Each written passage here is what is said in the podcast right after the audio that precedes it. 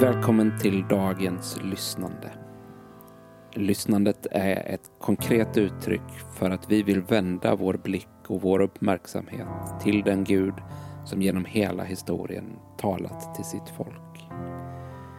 Idag lyssnar vi till en text från Filipperbrevet och du kommer få höra texten läsas fyra gånger och inför varje läsning så får du en frågeställning i hur du kan närma dig tilltalet i texten.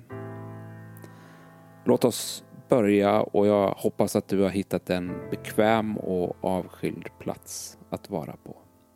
Och för att hjälpa oss själva att landa, ta tre djupa andetag och tillåt dig att bli närvarande inför ordet.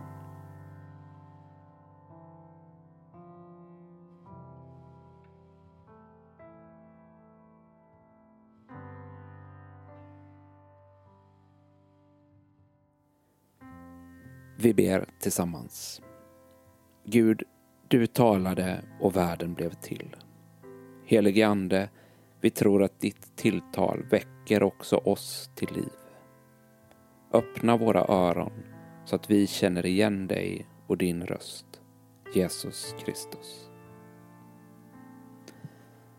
Idag läser vi från Filipperbrevet kapitel 3 och vers 12 till 14. Paulus sitter fängslad och samtidigt skriver han det här brevet som framförallt kännetecknas av glädje och uppmuntran. Och när jag nu läser texten för första gången, försök att lyssna till den som om det vore första gången du hörde den. Och kanske är det också just det. Tro inte att jag redan har nått detta eller redan har blivit fullkomlig. Men jag gör allt för att gripa det när nu Kristus Jesus har fått mig i sitt grepp. Bröder, jag menar inte att jag har det i min hand, men ett är säkert. Jag glömmer det som ligger bakom mig och sträcker mig mot det som ligger framför mig och löper mot målet för att vinna det pris där uppe som Gud har kallat oss till genom Kristus Jesus.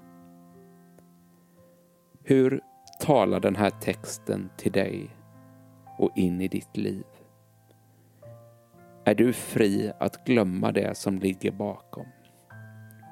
Är du fri att sträcka dig mot det som ligger framför?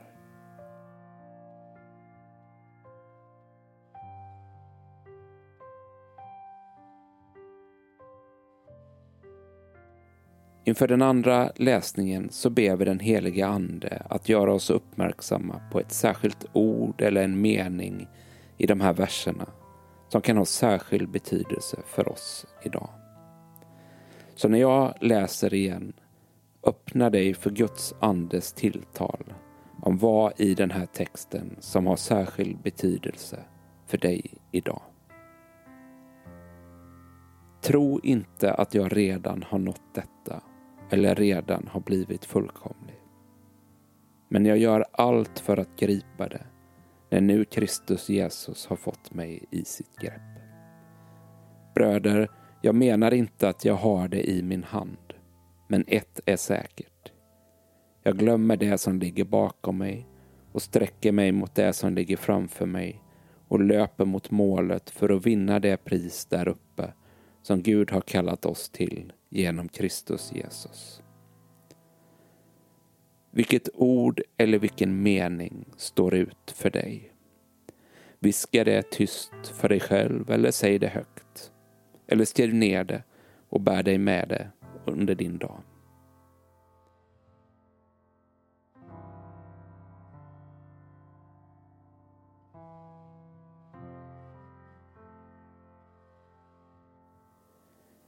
I den tredje läsningen så föreställer vi oss att Gud är närvarande i rummet där du sitter, för det är han.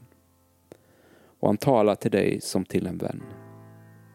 Och i samtalet så bjuder han in dig att också tala till honom om de här verserna. Tro inte att jag redan har nått detta eller redan blivit fullkomlig. Men jag gör allt för att gripa det när nu Kristus Jesus har fått mig i sitt grepp. Bröder, Jag menar inte att jag har det i min hand, men ett är säkert. Jag glömmer det som ligger bakom mig och sträcker mig mot det som ligger framför mig och löper mot målet för att vinna det pris där uppe som Gud har kallat oss till genom Kristus Jesus. När Gud får tala till dig i och genom dessa ord, vad blir din respons? Finns det frågor som du vill ställa? Tacksamhet som du vill uttrycka? Eller situationer i ditt liv som du vill nämna? Gör det. Gör det tyst eller högt. Eller om du trivs med att skriva så kan du skriva ditt svar till Gud.